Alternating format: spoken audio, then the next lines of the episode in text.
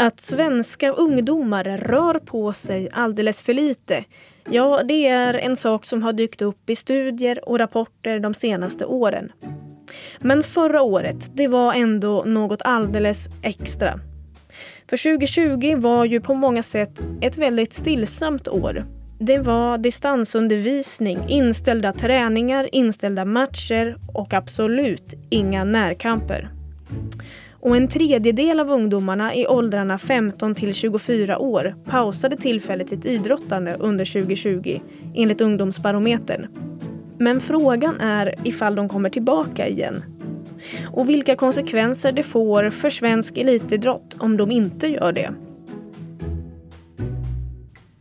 I dagens avsnitt av Aftonbladet Daily så ska vi vända blicken mot landets riksidrottsgymnasier på sätt och vis är ju de faktiskt en brygga mellan just ungdomsidrotten och elitidrotten.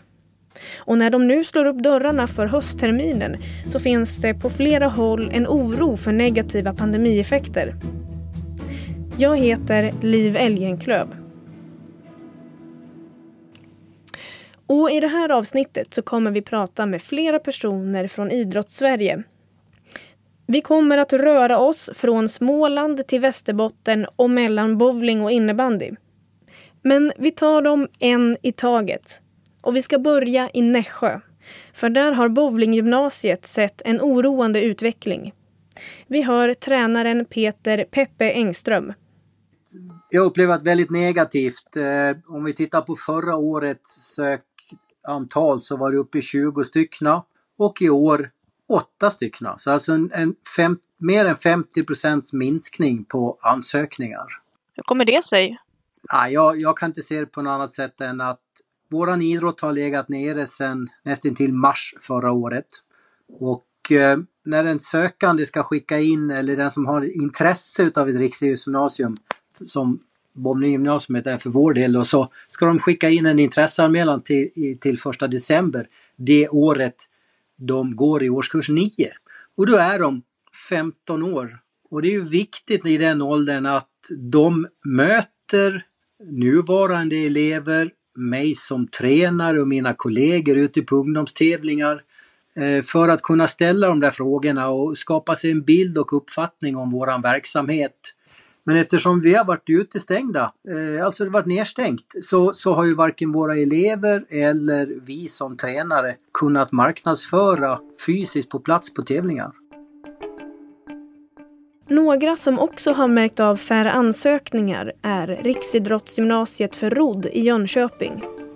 Det beror bland annat på pandemin och hur den har slagit hårt mot plånboken för vissa. Det säger huvudtränaren Malin Källström Eh, alltså det kostar ju en del pengar att bo hemifrån eh, och, och sådär. Att även om skolan ska vara gratis så, så är det klart att det kostar lite grann och, och, om man inte bor hemma. Eller det kostar mer om man inte bor hemma och så ska man, även om man har inackorderingstillägg och sådär så, så täcker ju inte det den, riktigt den merkostnaden eh, som det blir. Och, och, så var det ju någon förälder som hade blivit av med jobbet helt enkelt eh, på grund av pandemin som jobbade i i en bransch som blev ganska drabbad där. Eh, så. Och då har man ju helt plötsligt inte råd att skicka iväg sina barn.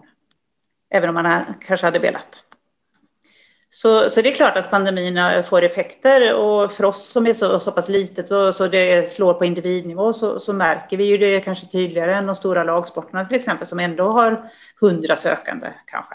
Eh, vi kanske har sex, sju sökande. Men du Malin, om vi blickar i det långa loppet då, hur tror du att eh, idrotten påverkas av det här?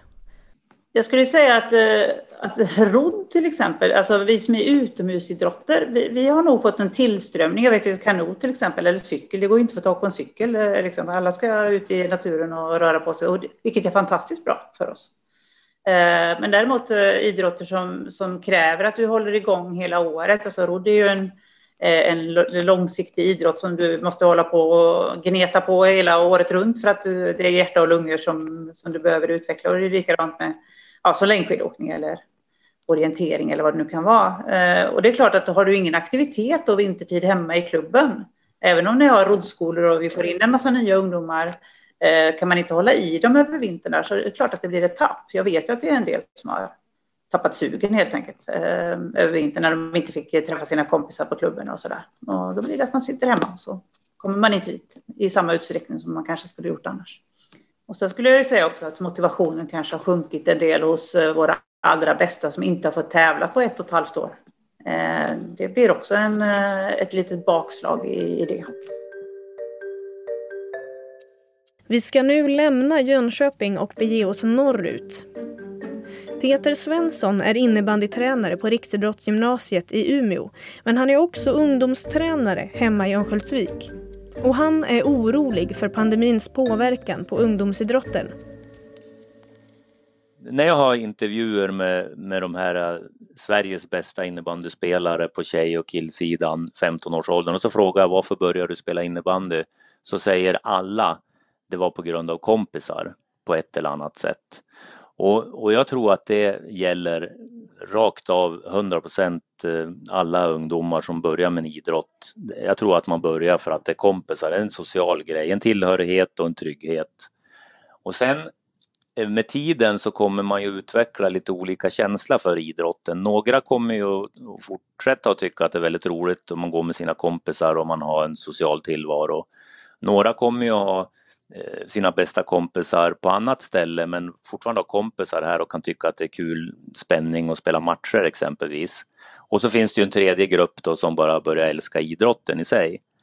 Och när det blir ett sånt här avbrott eh, som är, inte är schemalagt utan kommer som, som det blev nu med pandemin så kommer ju de här i grupp 1 som, som är där av social anledning kommer ju att få chansen att att, eh, att ha kompisarna i andra situationer och i andra miljöer. Och de här som redan har, har sina bästa kompisar utanför idrottsgruppen, de kommer ju definitivt att tillbringa sin, sin, sin tid med sina bästa kompisar och inte ha så mycket att längta tillbaks till i och med att det inte är några matcher och, och, och speciellt inte när det ja, när man stängde ner matcherna nu så, så, hade de ingen anledning att komma och träna heller egentligen för att det är inte det som är suget för dem. Däremot de här som, som älskar idrotten, de kommer ju att komma tillbaka så de kommer ju kunna vänta ut eh, hela pandemin för att de, de vet ju att det här älskar dem. Så det betyder att det finns ju väldigt många i grupp 1 och grupp 2 som får en chans att sluta idrotta. Och speciellt om man är i de här åldrarna 12, 13 eller 15 års åldern när, när det är en dropout effekt även normalt sett så kommer ju de att få chansen att kliva av utan att reflektera över det. Men att få tillbaka dem, det är ju en utmaning.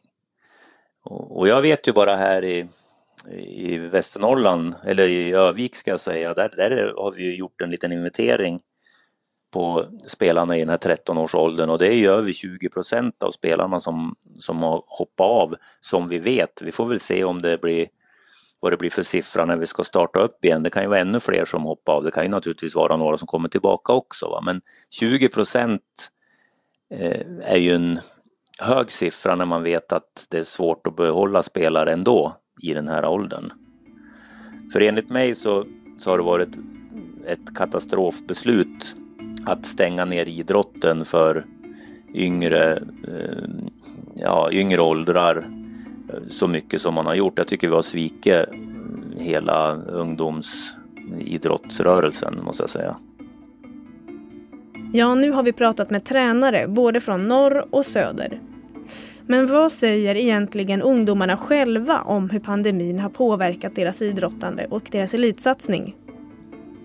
När jag ringde upp William Berggren så skulle han precis ta studenten från bowlinggymnasiet i Nässjö. Och förra året var han uttagen att få representera Sverige i junior-EM. Men pandemin satte stopp för den drömmen. Men man tappade lite motivation gjorde man ju. Eh, gick ju ner sig lite.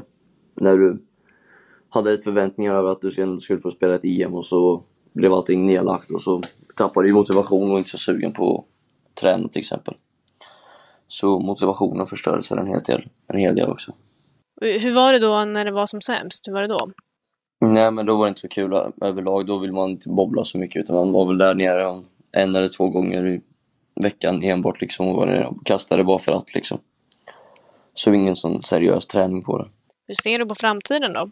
överlag så ska vi fortsätta bobbla och så vidare och försöka satsa fortfarande och komma mot ett eventuellt u landslag och ta, gå vidare så. Eh, och satsa på det.